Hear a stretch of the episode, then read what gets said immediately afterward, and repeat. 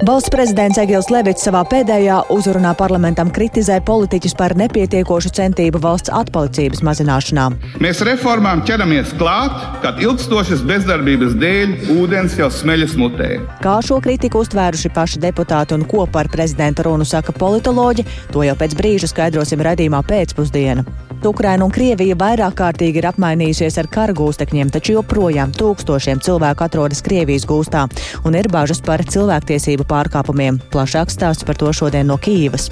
Un Kristaps Porziņš savā desmit gadu ilgajā karjerā Nacionālajā basketbola asociācijā aizmainīts uz jaunu komandu Bostonas Celtics.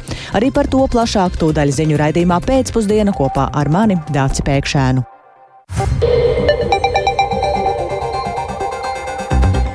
Ir 4 un 5 minūtes, skanējums sāk raidījums pēcpusdienu, un tajā plašāk skaidrosim šīs pirmssvētku dienas 22. jūnija būtiskākos notikumus. Studijā Dāca Pēkšēna. Esiet sveicināti! Dzelzs priekškars šobrīd ir nolaidies pie zilupes, bet valsts nespēja ilgstoši izbūvēt austrumu robežu ir nožēlojama. Tik skarbus vērtējumus šodien no parlamenta tribīnes pauda valsts prezidents Egils Levits, pēdējo reizi savā amatā uzrunājot saimu. Levits arī konstatēja, ka Latvija savā attīstībā atpaliek no pārējām Baltijas reģionu valstīm, kas saistāms ar zemo spēju īstenot reformas. Savukārt nevienlīdzības mazināšana valsts ekonomikā ir nepietiekama. Īsts fragments no prezidenta runas. Mēs visi varam konstatēt, ka mūsu ekonomikas vezums kust uz priekšu pārāk lēni. Mēs reformām ķeramies klāt, kad ilgstošas bezdarbības dēļ ūdens jau smeļas mutē. Tas redzams gan attiecībā uz skolu tīkla sakārtošanu, gan slimnīcu līmeņiem. Tas pats attiecas uz nodarbinātības politiku kur pastāvīgi aug nesakritība starp darba tirgus pieprasījumu un darba spēka piedāvājumu. Finanšu sistēmas kapitālo reformu veicām, kad jau riskējām iekļūt pelēkajā sarakstā. Atjaunojamie energoresursi tikai tagad strauji attīstās, pateicoties sankcijām pret Krieviju, kamēr citās valstīs ir jau šī attīstība gājusi daudz tālāk. Nopietnas reformas vienmēr ir kompleksas. Eiropas zaļais kurs, Nacionālais attīstības plāns 2030 vai jebkura ilgtermiņa programma prasa vienotā, mētiecīgā ķēdē saslēgt dažādas reformas un dažādu ministriju pūliņus. Viens piemērs nu pat ir izveidota cilvēka kapitāla padome. Un tas ir ļoti apsveicami. Taču, ja mēs izlasām tās uzdevumus, mēs varam konstatēt, ka darba spēka politika tagad ir jāsāk bezmaz vai tukšā vietā. Ko valdība vai valdības līdz šim ir darījusi šajā jomā? Acīm redzot, nav bijusi ne politika, ne rīcības, ka tagad ir jāsāk no jauna. Esmu daudz runājis par finansējumu palielinājumu zinātnē, pētniecībai un inovācijām. Un patiešām, paldies! Valdība apņēmusies četros gados dubultot to no 0,7 līdz 1,5% no iekšzemes koprodukta. Valsts pārvaldes ielaistais sklerotisms, kad nozara politikas joprojām dzīvo savas viena no otras neatkarīgas izolētas dzīves, joprojām nav pārvarēts. Neticu, ka būtisku attīstību tādās jomās kā demogrāfija, nodarbinātība, digitalizācija, Zinātne un inovācijas ir iespējams sasniegt, ja dažādās ministrijās izskaisītās atbildības nesavelk kopā un nepārauga politiski atbildīga amatpersona. Vienlaikus vēlos atgādināt, ka mums beidzot ir jāizbūvē valsts robeža. Gadiem ilgā nespēja izdarīt šo vienkāršo lietu ir nožēlojama. Šī nespēja diskreditē valsts varu, pirmkārt jau pašas Latvijas sabiedrības acīs. Tāpat nākamo gadu prioritātei ir jābūt iekšlietu sistēmas nostiprināšanai. Tas nav godīgi, ka iekšlietu darbinieki par tikpat atbildīgu darbu, kā viņu kolēģi armijā, saņem ievērojami zemāku atalgojumu. Nu, tik tālu fragments no valsts prezidenta Egila Levi, Levita šajā amatā pēdējās uzrunas saimā, bet par citiem runas akcentiem un arī parlamentāriešu reakcijām uz dzirdēto varam paklausīties Jāņa Kīņša sagatavotajā ierakstā. Saimnes deputāti valsts prezidentu Egiju Levitu pēc viņa pēdējās uzrunas saimai sveica ar aplausiem un stāvot kājās. Viņš saņēma ziedus no vairāku frakciju pārstāvjiem un arī no saimnes priekšsādātāja apvienotā saraksta pārstāvja Edvarda Smiltēna. Tieši Krievijas iebrukums Ukrainā prasīja visu demokrātisko valstu vienot nostāju. Un jūsu balss, tieši jūsu balss, atbalstot Ukrainu un nosodot Krievijas agresiju, bija dzirdama visā pasaulē. Savā darbā esat konsekventi iestājies par satversmē un tās preambulā paustajām vērtībām, aktīvi iestājies par latviešu valodas lomas pieaugumu un mūsu nacionālās pašapziņas stiprināšanu. Labs piemērs, protams, ir pēdējais jūs iesniegtais likumprojekts par totalitārismu un rusifikācijas radīto vietvārdu pārdēvēšanu.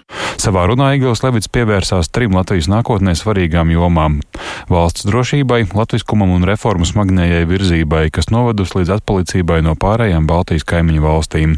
Levits vērtēja, ka augstās nevienlīdzības mazināšanai Latvijā ekonomika aug nepietiekami. Nesāpīgas reformas nav reformas, bet lāpīšanās, uzsvēra Levits, norādot uz deputātu uzdevumu apturēt Latvijas mazspējas kultūru. Jāatgādina, ka Levita kandidatūru uz otro termiņu valsts prezidenta amatā virzīja Nacionālā apvienība. Apzinoties atbalsta trūkumu, Levits no kandidēšanas atteicās. Pēc Levita runas noklausīšanās Nacionālās apvienības līderis Raivis Dzintars gan norādīja, ka nevajadzētu pārspīlēt ar uzstāšanu uz reformām. Savukārt prezidenta lomu aktualitāšu izcelšanā viņš novērtēja kā cienījamu. Nu, reformas nav jāveic reformu pēc. Reformas jāveic tad, ja mums ir ticība, ka mēs ar to kaut ko izdarām labāk. Aiz tā jēdziena var paslēpt jebko, ja, un no arī, piemēram, par to pašu skolu reformu, apsēstība ar pārmaiņām, nesaprotot, ka mēs varam iebraukt otrā grāvī. Nu, arī tas ir risks, ko es varbūt pievienotu šim, šim prezidentu uzskaitījumam.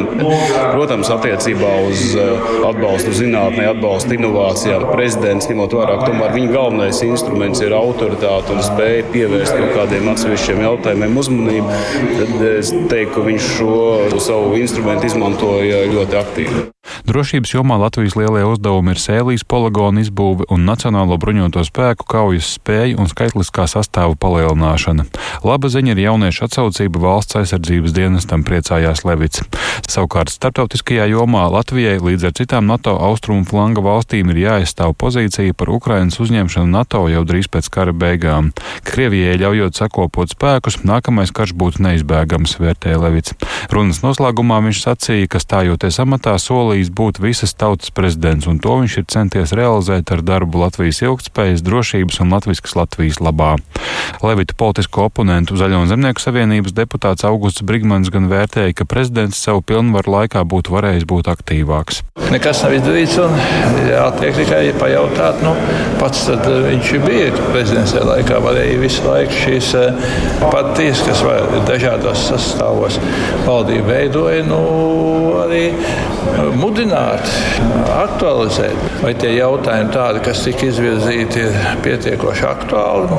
Droši vien, jā, bet es domāju, ka tikpat labi varētu atrast vēl kādas sešas tēmas. Egils Levits Rīgas pilī atstās 8. jūlijā, kad valsts prezidenta amatā stāsies Edgars Rinkēvičs. Jānis Kincis, Latvijas Radio. Tik tālu Jānis Kīncis no saimas, bet um, vēlējāmies dzirdēt arī plašāku komentāru un to vaicāsim Rīgas Stradiņu Universitātes politikas zinātnes katedras profesorai Ilgai Kreitusai, kura šobrīd mums ir pievienojusies telefoniski. Labdien! Labdien! Nu jā, Levita pēdējā vēstījumā šajā amatā dzirdējām vairākus uzsvarus, arī kritiku par to, kas nav izdarīts. Kā jūs teiktu, vai ir pamatot izceltas tieši šīs konkrētās lietas un vienlaikus, vai arī nu, savā ziņā tā kritika neizskan nedaudz par vēlu, un Levitam pašam arī nebūtu jāuzņemās tāda līdzatbildība. Jā, es tieši to gribēju teikt. Ir jau labi tagad visus pamācīt un ar pirkstu pakratīt un teikt, kas nav izdarīts, un, un arī dot nevisai objektīvs vērtējums tam, tam, kas ir izdarīts. Uh, kad ir pagājuši četri gadi, pirmais jautājums, kur Levits kungs bija pirms četriem gadiem, kur bija pirms trīs un pirms diviem gadiem.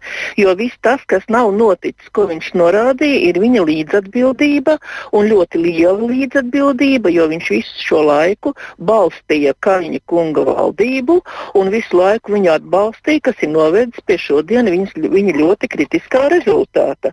Nu, vēl varētu uzsvērt arī tādas lietas, ka prezidenta kungs norādīdams uz nepilnībām, pilnīgi aizmirsa arī pats savu darbību. Bija interesanti klausīties par lieliem sasniegumiem zinātnē, inovācijai, un tāpat laikā, kā mēs zinām, 8 miljonus no, zinātnes, no izglītības ministrijas aizvirza tagad veselībai. Ja? Man īpaši pārsteidza, nu, tādi jaunvārdi atkal atkal būs kompleksitāte. Un, un, un kad runāja par ierēdniecību, ka mums jāveido atbirokratizēšanas vienība. Tātad mēs veidosim birokrātu vienību, kas cīnīsies ar birokrātiju. Bet nu, varbūt prezidenta kungam būtu bijis vērts pārdomāt, cik efektīvi bija viņa paša birokrāta, 61 cilvēku lielais birokrātiskais aparāts un tā loma un vieta Latvijas virzībā vai ekonomiskā attīstībā. Tā kā es gribētu teikt, ka šī runa bija, nu, es teicu, ma manuprāt, krietni par vēlu un ļoti, ļoti varbūt arī pamatoti kritiska, bet absolūti bezkritiska par savu darbību, ko prezidents ir veicis. Jo vēl viena lieta, ko es gribēju piebilst, kas jau mums ir kļuvusi par tradīciju, arī valdībā tagad rīkos seminārus, kolikvijas un nezinu kādas tikšanās, ka prezidenta kungs uzskatīja, ka viņa pilnvaras ir pilnībā uh, realizētas un viņš sniedz lielu ieguldījumu izglītības attīstībā, sarīkojot konferenci Pilī. Diemžēl šī konference izrādījās tikai nu, kā lai saka, tvaika nolaišana un skolotājiem iespēja izrunāties, un kam nav praktiska tālākā rezultāta. Mhm. Tāpēc mums atkal tas viss ievirzās tādā, nu, kā lai saka, slavinošā, savstarpēji slavinošā eh, bāzē, kur loģiski prezidenta kungam jāsaka paldies par padarīto darbu, par to, ko viņš ir veicis, bet tādā laikā pat būtu ļoti eh, kritiski jāaiziet cauri, kāpēc nav izdarīts viss tas, par ko prezidents runāja. Nu, man maza piebilde piebildu pie visa tā, es tomēr būtu gribējis, ka šodien mēs arī pieminētu Cēsu kauju dienu, 22. jūniju, kas ir ierakstīts mums kalendārā, un par ko mēs viennozīmīgi varētu teikt, ja nebūtu Cēsu kaujās mūsu uzvaras, tad diez vai Levitkungs šodien runātu mums brīvā Latvijas parlamentā. Vēsturi vajag atcerēties arī tādā gaismā, kurā varbūt mēs tā reizēm paejam garām un tā ļoti pavirši pret ko izturamies. Jā, vai no šīs runas un tā dzirdētā, nu, šajā gadījumā tad tādā gadījumā būtu kaut kas jāņem vērā nu, Levita pēctecim nākamajam prezidentam? nu, Levita pēctecim, ko es varētu teikt? Vispirms nākamam prezidenta pēctecim jāatcerās, ka prezidents ir arī a, mūsu bruņoto spēku virsvadonis, kā ir ierakstīts atversmē, un pirmais, ko nevajadzētu būt neitrālam un it kā nedzirdošam un novērojošam, kad viņa saimniecībā bruņotos spēkos notiek tāds skandāls kā 200 tūkstoši miljonu uh, lielais uh, iepirkums, kas mums šobrīd guļ virs armijas, un kur es domāju jāsāk ar savas funkcijas uzņemšanos un atbildības uzņemšanos no pirmās dienas pa tām sfērām, kas ir tiešā pakļautībā. Mm. Un otra lieta, ko es gribētu teikt, ka prezidents nav tikai novērotājs un prezidents nav pirkstu pakratītājs. Prezidentam ir jābūt aktīvam iekšpolitisko, ne tikai ārpolitisko problēmu risināšanā risināšanā un jābūt ar savu stingru viedokli un stingru stāju un nevis vienmēr jāmēģina atrast mm -hmm. tikai to labo. Jāprot Jā, ieraudzīt arī mm -hmm. neizdarīto un jābūt klāt tam visam, tad mēs patiešām runātu par tautas prezidentu. Paldies par šo analīzi Rīgas Stradiņa Universitātes politikas zinātnes katedras profesorai Ilgai Kreitusei. Bet um, saima burtiski pirms brīža galīgajā lasījumā ir pieņēmusi arī būtiskas izmaiņas ceļu satiksmes likumā, kas skars tik vienu. Un tas ir saistīts gan ar transporta līdzekļu tehnisko apskati, gan arī jaunām prasībām elektroskrējriteņiem. Un par šo esam sazinājušies ar šī likumprojekta ziņotāju deputātu Andri Kulbergu no apvienotā saraksta. Viņš pie telefona klausos. Labdien! Labdien! labdien. Īsi tad izskaidrosim tās galvenās izmaiņas vispirms par tehnisko apskati. Kas mainīsies? Jā. Nu, šis ceļu satiksmes likums izvērtās par ļoti plašu, garu debati, un beidzot tas ir noslēdzies ar milzu priekšlikumu skaitu uh, un ir pieņemts.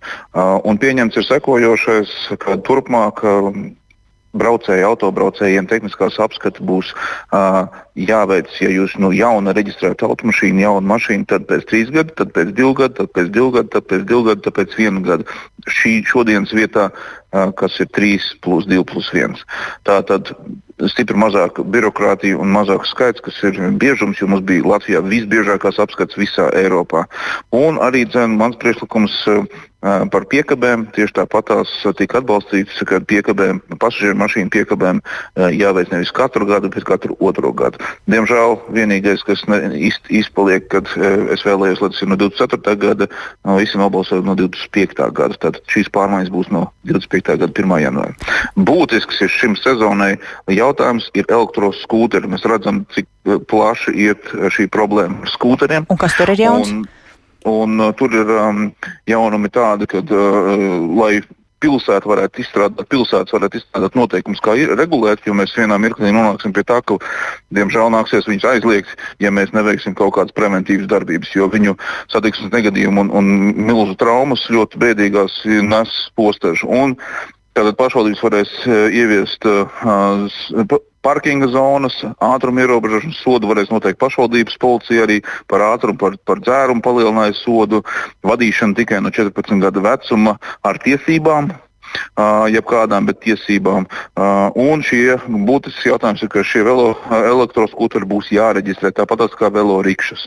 Un jāreģistrē CDD ar uzlīmi, kas nozīmē, ka viņus arī tajā mirklī kontrolēs un pārbaudīs viņu tehnisko atbilstību tam, ko nosaka Eiropas komisijas definīcija par elektroskūteru. Jā, jūs pieminējāt 25. gadu, tad šis arī ir no 25. gada. Šis stāsies jau, šis stāsies jau tūlīt spēkā. Burtiski tūlīt nu, te, šī, šīs pārmaiņas. Pārējais, dažiem jautājumiem ir pārējais periods, dažiem jautājumiem jau tūlīt kā tur un tas nozīmē, ka šajā brīdī ikvienam, kuram ir skrej, elektroskrējējs, tas ir jāsteidz to reģistrēt? Nē, nē tam, tam gan ir pārējais periods, un tam būs pielāgošana CZD, jāizstrādā noteikumi, arī procedūra, un arī fiziski kāda tā uzlīme iztīsies un kur tā tiks līmēta. Tā kā tam vēl ir laiks, un tas nenotiks tūlīt.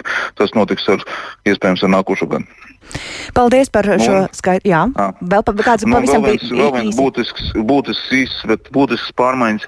Šobrīd mēs redzam un zinām, ka CSDD um, tehniskās apskates veids privātie uzņēmumi. Tas ir monopols, tie ir pra, praktiski četri uzņēmumi, kur faktiski īpašnieki ir divi. Tie jau no 90 gadiem veic šo darbību, un šī jaunajā konkursā viņi ir vinnējuši un turpinās to darīt vēl desmit gadus līdz 2033. gadam. Bet deputāti šodien nobalsoja par būtisku izmaiņu, kad šo monopolu monopola stāvokli, ko pieprasa arī Eiropas komisija, kad ir jāatver šis tirgus eh, mainītos un tātad ar nāku ar 2033. gadu šis paplašinātos iespējams arī ar servisa pakalpojumu sniedzējiem. Tātad ar lielāku skaitu vietu, kur varēs iziet, un noteikti arī ar lētāku, lētākām izmaksām uh, mm -hmm. braucējiem.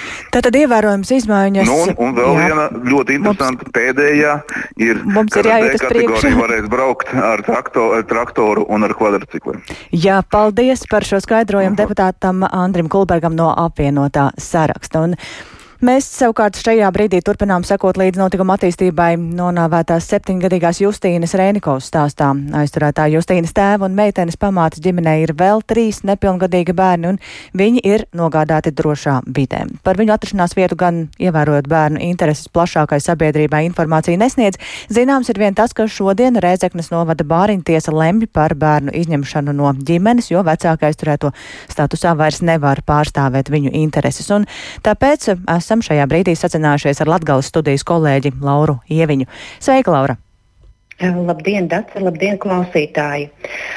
Jā, pēc manā rīcībā esošas informācijas Reinikovu ģimenei ir trīs nepilngadīgi bērni. Uh, viens ir zīdainis, tas ir abu kopējs bērns, un divi bērni ir no sievietes iepriekšējām attiecībām. Šodien es sazinājos ar valsts policiju un arī ar Rezeknes novada bāriņtiesu. Tad abas šīs iestādes man atteicās sniegt jau kādus komentārus par bērnu atrašanās vietu vai arī par viņu turpmāko likteni. Savukārt sociālajā dienestā man zināja teikt, ka bērni atrodas drošā vidē un viņiem tiek nodrošinātas visas pamatvajadzības. Tostarp nepieciešamības gadījumā arī sniegta psiholoģiskā palīdzība. Vairāk par situāciju, kādā šobrīd ir Reinikovu trīs nepilngadīgie bērni, man pastāstīja valsts bērnu tiesību aizsardzības inspekcijas pārstāvis Taivo Trams. Viņš man norādīja, ka bāriņtiesas redzeslokā ģimene esot bijusi tikai vienu reizi, un tas esot bijis tad, kad Justīnas bioloģiskajai mātei esot atņemtas aizgādības tiesības. Savukārt sociālajam dienestam arī esot bijusi informācija par šo ģimeni, bet tā nesot bijusi riska ģimene. Viņi sociālajā dienestā bija griezušies tikai, lai saņemtu sociālos pabalstus. Un tagad paklausīsimies Taivo Trama komentāru par to, kā tagad klājas Reinikola bērniem. Bērni jau pēc traģiskajām ziņām uzreiz tika nogādāti drošībā. To izdara valsts policija. Kur viņi tieši atrodas, valsts policija pašlaik neizpauž šo informāciju. Šodien, kuru katru brīdi līdz ko bērnīties saņems no valsts policijas oficiālo informāciju par vecāku statusu, tad bērnītiesa pieņems vienpersonisko lēmumu par bērnu izņemšanu no ģimenes. Tālāk tiek lemts par bērniem vispiemērotāko drošo tālāko dzīves vietu, prioritāri, protams, protams, skatot radiniekus, kur varētu uzņemties rūpes. Ja tas tā nav, tad bērni nonāk ārpus ģimenes aprūpas iestādēs attiecīgi līdz tālākam kādam risinājumam, vai no adopcija un tā tālāk. Nu jā, tā kā darba laiks jau tuvojas beigām, tad uh, iespējams bērntiesa jau ir pieņēmusi šādu lēmumu par bērnu izņemšanu no ģimenes. Savukārt, uh, vēl, uh, ko man piebilda valsts bērnu tiesības aizsardzības inspekcijas pārstāvis, viņš teica, ka, protams, um, esot jāskatās, vai atbildīgie dienesti bija izvērtējuši visus riskus, vai nebija palaiduši garām kādus signālus. Tāpat viņš piebilda, ka tas esot arī sabiedrības līdzatbildības jautājums. Nu, precīzāk, to cilvēku, kas uh, bijuši tuvi šai ģimenei, dzīvojuši līdzās. Nu, tas noteikti vēl tiks jā, pētīts. Paldies, Laurai Ieviņai. Tātad visi trīs aizturētā Justīnas tēva un meitenes pamāts ģimenēm esošie bērni šobrīd ir nogādāti drošā vidē, un tas ir būtiskākais. Krievijas vispārējām iebrukumam Ukrainā turpinoties, Ukraina un Krievija vairāk kārtīgi ir apmainījusies ar karu gūstekņiem, taču joprojām tūkstošiem cilvēku atrodas Krievijas gūstā un Ukraiņu nevalstiskās organizācijas un cilvēktiesība aizstāvi ceļ trauksmi par cilvēktiesību pārkāpumiem attiecībā pret šiem cilvēkiem. Un tas ir temats, par ko vairāk šajā brīdī aprunāsimies ar mūsu Latvijas radio korespondentu Ukrainā Indru Sprāncis. Sveika, Indra! Labdien! Jā, šodien Kīvā vairāki Ukrainas cilvēktiesību organizācijas pārstāvi iepazīstināja ar jaunāko pētījumu par to, kur Krievijā un okupētajās teritorijās izvietot Ukrainas kara gūstekņu. Un aptaujājot no gūsta izkļuvušos, ir izveidota tāda kā karte ar 42 aizturēšanas vietām, sākot no Brjanskas līdz Irkutskai, kur varētu atrasties liels skaits Ukraiņu kara gūstekņu. Apkopotās liecības no gūstā pabijušiem arī liecības liecina par ļoti sliktu izturēšanos pret kūstekņiem un dažādiem iespējamiem cilvēktiesību pārkāpumiem, sākot no necilvēcīgiem apstākļiem, kur kūstekņi ir izvietoti, piemēram, kamerās, kas paredzēts diviem vai četriem cilvēkiem, ievietot astoņi vai desmit cilvēku, medicīniskās palīdzības trūkumu, regulārām sišanām un arī pat uh, spīdzināšanu. Turklāt uh, spīdzināšanai pakļautas arī sievietes, uh, kas, kas bija armijā. Iepriekš par to arī bija detalizētāk runāts, ka sievietes izģērbtas, viņām nogriež matus un, un citādi spīdzina. Ar kara gūstekņu atgriešanu mājās strādā ļoti plašs iesaistīto personu lokus no Ukrainas puses un aktīvi darbojas arī nevalstiskās organizācijas. Lūk, mazs citātiņš no nevalstiskās organizācijas militārā atbrīvošana vadītājas un arī kara gūstekņa radinieces Natālijas Epifānos šodien preskonferencē teiktā. Велика проблема полонених полягає ще в тому, що Росія приховує. Liela karagūstekņu problēma ir tā, ka Krievija slēpj karagūstekņus, un viņi slēpj lielāko daļu no karagūstekņiem. Mēs kā sabiedriskā organizācija domājam, ka ap desmit tūkstošiem kā minimums Ukrainas karagūstekņi šobrīd atrodas Krievijas gūstā. Jā, tad, tad šīs liskās organizācijas pārstāvis aplēstais skaitlis - 10 tūkstoši ievērojami atšķiras no Ukraiņu amatpersonu iepriekš publiskotajām aplēsēm. Gada sākumā Ukraiņas karavīri pilnvarotā pārstāva lēsa, ka Krievijā gūstā varētu būt vairāk nekā 3 tūkstoši karavīri, bet 15 tūkstoši tajā skaitā civiliedzīvotāji uzskatīja par bezvēsts bez pazudušiem. Un, tā kā Ukrainā savus tuviniekus gaida atgriežamies ļoti daudzas ģimenes, kas dažādos veidos mēģina noskaidrot uh, atrašanās vietas Krievijā, taču nevienmēr izdodas visas atbildes saņemt. Paklausīsimies arī vienas karavīra mātes šodien preskonferencē sacīto. Скільки я зверталася до Міжнародного комітету Червоного Христа? Cik es esmu vērsusies pie Startautiskā sarkanā krusta angļu valodā, visādās valodās es rakstīju. Es aizrakstīju arī apvienotajām nācijām un Ženēvai. Man ir savāktas vairākas mapes ar petīcijām, kuras es sūtīju, bet atbildes nav. Es nezinu, kur viņš ir un kādā stāvoklī. Знаходиться він в якому стані він за цей рік? Jā, un cilvēktiesību aktīvisti un nevalstisko organizāciju pārstāvji arī šodien Kīvā pauda, ka Ukrainai būtu vairāk jāskaidro šie jautājumi saviem partneriem, lai starptautiskās organizācijas un partneri varētu izdarīt lielāku spiedienu uz Krieviju, lai tā atgrieztu Ukraiņu karavīrus vai vismaz ievērot elementāras cilvēktiesības, jo patiešām ļoti daudz gados jauni cilvēki mirst Krievijas gūstā un mirst nevis no frontē iegūtām traumām, bet no spīdzināšanas sišanas un elementāras medicīniskās palīdzības trūkumu. Paldies Indrai Sprancei, kura tad mums arī izstāstīja vairāk par to, ko tad, par ko tad ceļ trauksmi cilvēktiesība aizstāvi un kāda ir situācija šobrīd ar kara gūstekņiem. Tikmēr Londonā šajās dienās turpina spriest par Ukrainas atjaunošanu un interesi tajā piedalīties izrāda arī Latvijas uzņēmumi, un viņi atzīst, ka risks strādāt Ukrainā šobrīd ir lielāks, bet arī potenciālie ieguvumi var būt vērā ņemami.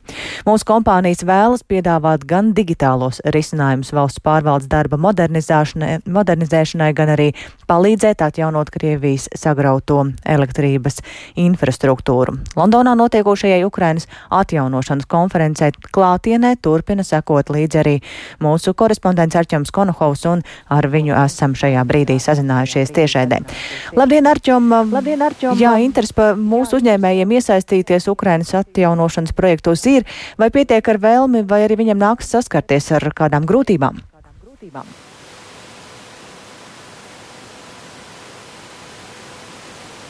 Arķom, vai tu mūs dzirdi? Arķom, vai tu mūs dzirdi?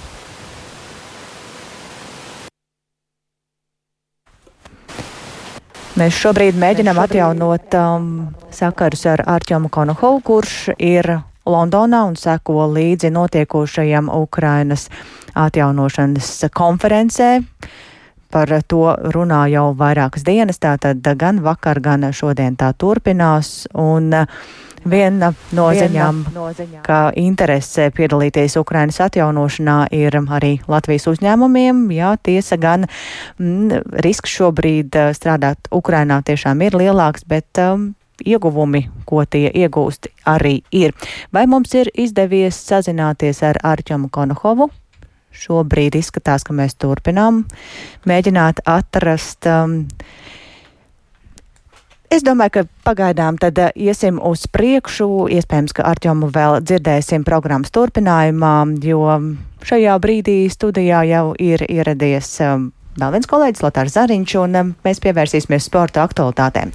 Kristaps Porziņš savā desmit gadu ilgajā karjerā Nacionālajā basketbola asociācijā ir aizmainīts uz ceturto komandu no Vašingtonas Wizards uz Bostonas Celtics. Taču šoreiz kluba maiņu salīdzinājumiem ar iepriekšējām vienībām atšķiras ar to, ka Bostona pēdējās sezonās pretendē uz čempionu titulu. Ko tas nozīmē, jā, un vai tas ir bijis pārsteigums, to šobrīd vaicāšu Lotāram Sveiks, Lotārs. Jā, sveika Dāts un sveika klausītāji. Nu, savā ziņā to var nosaukt par pārsteigumu, jo šo iespējamo maiņas darījumu vakar ap pusnakti iekustināja Ziemeļamerikas mēdī. Iesākumā izskanēja variants, ka Vašingtons Wizards un Bostonas Celtics maiņas darījumā iesaistī, iesaistīts arī Los Angeles Clippers. No rīta atkal ziņa, ka darījums nobrucis. Pagāja mazliet vairāk par stundu, un tad jau neoficiāli, ja var teikt pat oficiāli, oficiāli tika paziņots, ka eh, darījums būs. Eh, Porziņš ir nonācis Bostonas Celtics vienībā, un eh, Porziņš arī pieņems spēlētāju opciju esošā līguma pēdējā gadā, kas ļaus viņam gadījumajā sezonā pelnīt 36 miljonus ASV dolāru. Un pastāvēja iespēja, ka viņš šo opciju arī neizmanto, tad arī kļūt par brīvo aģentu. Un, protams, ka skaidrs ir tas, ka Porziņš ir nonācis sporta pilsētā Bostonā, kur ne tikai basketbola, amerikāņu, kā arī klasiskā futbola komandas, ir arī hokejs un beisbols. Savukārt konkrēti Konkrēti Bostonas Celtics vēsturē tikusi pie 17 tituliem. Diezgan pēdējo titulu izcīnīja pirms 15 gadiem, tā kā laiks ir pagājis. Finālā spēlējusi 22 reizes šī komanda, pēdējo reizi 2022. gadā. Un aprunājos šodien arī ar basketbola ekspertu Reinu Lāci, kurš tad arī vairāk pastāstīja, cik liels iespējas Celtics ir cīnīties par trofeju. Ļoti labs. Noteikti ļoti labas iespējas cīnīties par čempionu titulu. Domāju, ka ja vien mums nesagaida kāda šobrīd neprognozējama maiņa, uzskatu, ka visticamāk Bostona būs galvenā favorīta no Austrum konferences. Nav viņiem ar vairākiem piegājieniem sanācis to pašu pēdējo soli spērt, nu vai nu zaudēt finālā Warriors komandai, vai jau vairākas reizes šai paudzei piekāpjoties Austrum konferences finālā. Tā kā tā būs galvenā favorīta, manuprāt, no savas Austrum puses. Būs interesanti pavērot, kā tu ietekmēs identitātes maiņu. Nu, būtībā jāsalīdzina Kristaps ar Markus Smārtu. Tādā dīvainā ziņā. Tā tomēr ir pārējai uz mazliet citādāk tādu komandas uzbūves filozofiju, bet nu, vēl jau priekšā ir visādi citi iespējami darījumi, un tas pats NBA drafts. Tad uh, redzēsim, es domāju, no austrumiem Bostonā ir lielākais biets jebkuram pretiniekam. Jā, un kā Rens arī minēja, tad rietumu konferencē atkal ir vairāk kandidātu trofeju, un, eh, protams, arī atzīmēja eh, Rens Lācis eh, spēlētāju Markus Smārtu, kurš tika aizmainīts uz Memphis Grizzlies vienību no Bostonas Celtics, un viņš bija komandas viens no līderiem, taču līdz ar klubu vadības maiņas Celtics nebaidās eksperimentēt un uzticās arī jauniem spēlētājiem. Tā kā porziņiem noteikti lielāks iespējas iegūt trofeju. Paldies, tas tātad par šīs dienas galveno sporta notikumu, bet šajā brīdī mums ir izdevies atjaunot sakarus ar Artjomu Konohovu Pavlovs. Sveiks, Sērčam, vai tu tagad mūs dzirdi? Jā, labdien, Dārts, labdien, klausītājs, jūs dzirdējāt. Jā, nu tad par mūsu uzņēmējiem. Es saprotu, ka mūsu uzņēmējiem ir interesi iesaistīties Ukrainas atjaunošanas projektos, vai pietiek ar šo vēlmi, vai ir arī kādas grūtības? Protams, grūtības pastāv, jo skaidrs, ka Ukrainā notiek karš, un tas rada visādus riskus. Un, tad, protams, ir jāskatās uz to,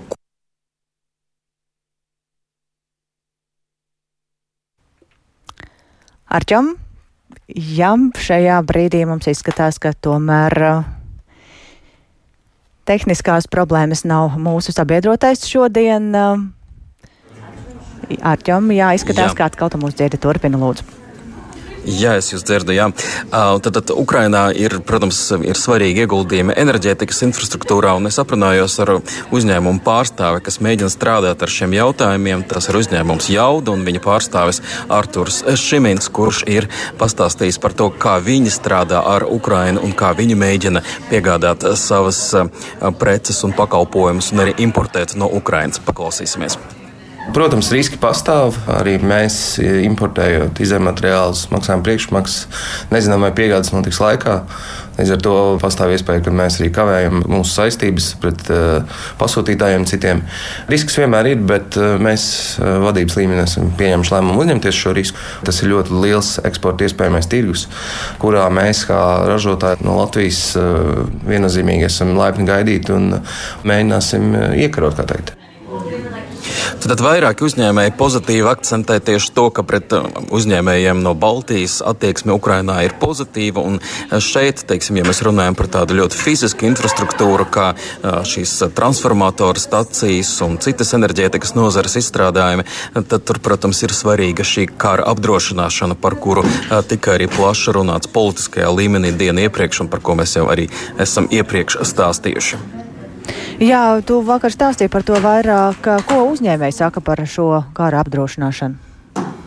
Tātad, kā jau es eh, tikko sāku stāstīt, eh, būtībā viss ir atkarīgs no tā, kāda joma ir. Un, teiksim, šajā elektrības jomā tas ir būtiski, bet pieņemsim uzņēmumam tilde, kas vairāk piedāvā digitālos risinājumus, tas ir mazāk aktuāli, jo viņi, protams, nodrošina dažādu programmatūru un dažādas risinājumus, ko ar eh, bumbām un dažādiem uzbrukumiem tik viegli nevar sagraut, jo tas viss, protams, atrodas kaut kādās serveros. Un aprunājos arī ar tildes biznesa attīstību attīstības direktoru Kasparu Kauliņu par to, kā viņš raugās un kāda, ko viņa vēlētos darīt Ukrainā un kādu sadarbību viņa vēlētos tur iesākt. Mūsu interese ir palīdzēt Ukrāņiem ar uh, to milzīgo tulkošanas apjomu, kas viņiem ir šobrīd, domājot par uh, nākotnes dalību Eiropas Savienībā. NATO un citās starptautiskās organizācijās, kurās viņi vēlās iestāties vai jau ir iestājušies, un uh, tāpēc viņiem ir nepieciešams tulkot dokumentus. Un tad tam mūsu risinājumam viņa ieviešanai nav liela risku. Līdz ar to tas nav kaut kāda milzīga investīcija infrastruktūrā, kur ir iespējams iznīcināt. Jā, tik tiešām, bet nu šeit, protams, jautājumi drīzāk ir par kontaktiem, par to atrašanu, kam arī šī konference tika izmantot, un arī tam, lai varētu faktiski mēģināt kaut kādā veidā nofokusēt arī Ukrainas amatpersonu uzmanību šādām vajadzībām, kas, protams, nav pašas primārās vajadzības, tad, kad valstī notiek karš, tad noturēt uzmanību un tiešām realizēt šos projektus. Tas no tildes viedokļa ir galvenais izaicinājums pašlaik. Jā, paldies Arčamam Konohovam par ziņām no Londonas, kur tātad notiek plaša apspriešanās par Ukrainas atjaunošanu. Tikmēr eh, šodien jau daudz vietā Latvijā valda svētku noskaņa. To nevarēja nepamanīt arī gatavojoties šim raidījumam un vispār visas dienas garumā, jo tepat mums aiz loga doma laukumā notiekošajā zāļu tirgu visu dienu pulcējas cilvēki, jāstari skan Jāņu dziesmas un ne tikai Jāņu dziesmas, tāpat arī raitu deju soli rāda dejotāji un kur, ar, kur no arī bez tradicionālās tirgošanās un iespējas iegādāties visu svētkiem nepieciešamo. Bet par atmosfēru, kas tur valda pircēju un un pārdevēju sajūtām un to, ko tad īsti var iegādāties šajā zāļu tirgu. Plašāk ir gatavs stāstīt kolēģi Agnija Lazdiņa, kura šobrīd atrodas zāļu tirgu un ir pieslēgusies studijai. Sveika, Agnija! Jā, izklausās, ka svētki tev fonā turpinās skan mūzika, vai tev ir izdevies eh, noķert to svētku sajūtu?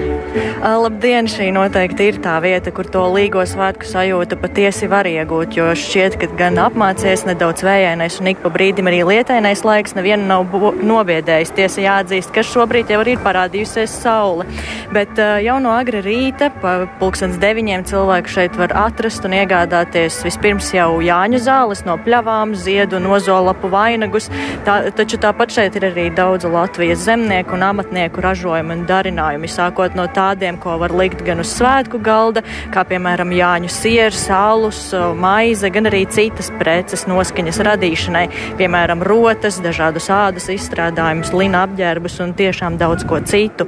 Ap pusdienlaiku cilvēku šeit nebija tik daudz, bet nu jau, kad vairumam ir beidzies darbs vai arī citi pienākumi, tad var redzēt krietni lielāku cilvēku skaitu, kas ir ieradušies uz zāļu tirgu. Un tāpat arī šeit ir diezgan daudz tirgotāju. Aprunājos ar šiem tirgotājiem, kuriem viedokļi gan atšķiras. Kāds stāsta, ka vieta esot kļuvusi dārgāka, citi, citi savukārt stāsta, ka ir saglabājuši tādu pašu cenu par iespēju tirgoties. Savukārt par pircējiem gan izsakās līdzīgi, uzsverot, ka no cilvēkiem šogad nav tik liels pieprasījums kā citus gadus, tomēr tie ir un viņi nāk un skatās un arī pērk lietas. Bet eh, tāpat arī aprunājos ar pašiem pircējiem, kas savukārt atzina, ka iespējams kādas preces ir kļuvušas dārgākas no tirgotāju puses, taču viņi jau to gaidīja un ir gatavi tāpat atbalstīt tirgotājus. Paklausīsimies, ko tad izsaka paši gan pārdevēji, gan pircēji. Kā šogad ir ar pircējiem? Ja godīgi, es personīgi esmu šeit pirmo gadu, tā kā es nevarēšu noteikti salīdzināt ar citiem gadiem. Bet um, ir forši. Ir tā, nu, viļņveidīga, protams, tā plūsma. Pircēji ir. Varbūt nedaudz lietas bija no rīta nobaidījis viņus, bet tagad jau cilvēki ir un rosās. Un uh, jūtama tāda svētku sajūta jau cilvēkos, ka tuvojās uh, līgo noskaņas. Un... Kā jums patīk šī gada tirgus?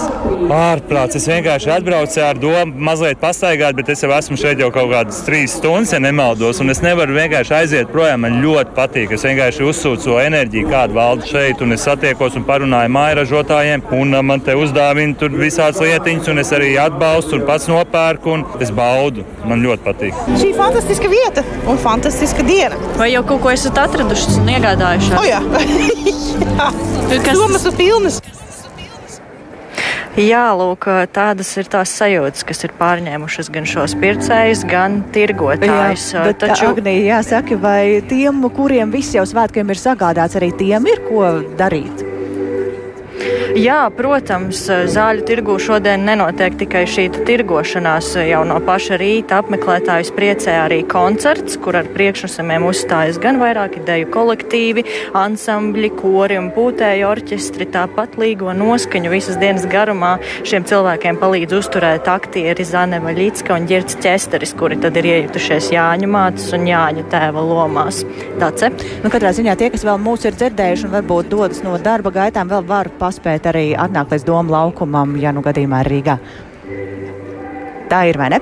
Jā, Agnija, paldies tev liels par šo svētku noskaņu, ko tu radīji arī mūsu ēterā, un ņemot vērā to, cik daudz cilvēku šobrīd ir Doma laukumā, visi noteikti vēlēsies tikt pēc tam arī mm, ārpus pilsētas, tad jāņem vērā arī Latvijas valsts ceļu brīdinājums, ka šodien ir jārēķinās ar stipri palēninātu satiksmi Rīgā un Pierīgā, un tad arī uz šo, šīs svētku nots atvadās ziņu raidījums pēcpusdiena, vēlot lustīgus svētkus un arī aicinot neaizmirst tajos par drošību un uh, drošu svinēšanu, lai maz darba būtu arī operatīvajiem dienestiem. Redījumu pēcpusdienu veidoja Ilze Aginta. Mārtiņš Paeglis un Uldis Grīnbergs, kā arī ar jums sarunājos es, Dāca Pēkšēna. Ja vēlaties mūsu pārraidi noklausīties vēlreiz vai arī dalīties ar to ar citiem, tad to, kā ierasts, var atrast arī Latvijas radio mobilajā lietotnē, tāpat arī nedaudz vēlāk to var meklēt lielākajās raidierakstu platformās, meklējot dienas ziņas. Lai priecīgi svētki! Yeah.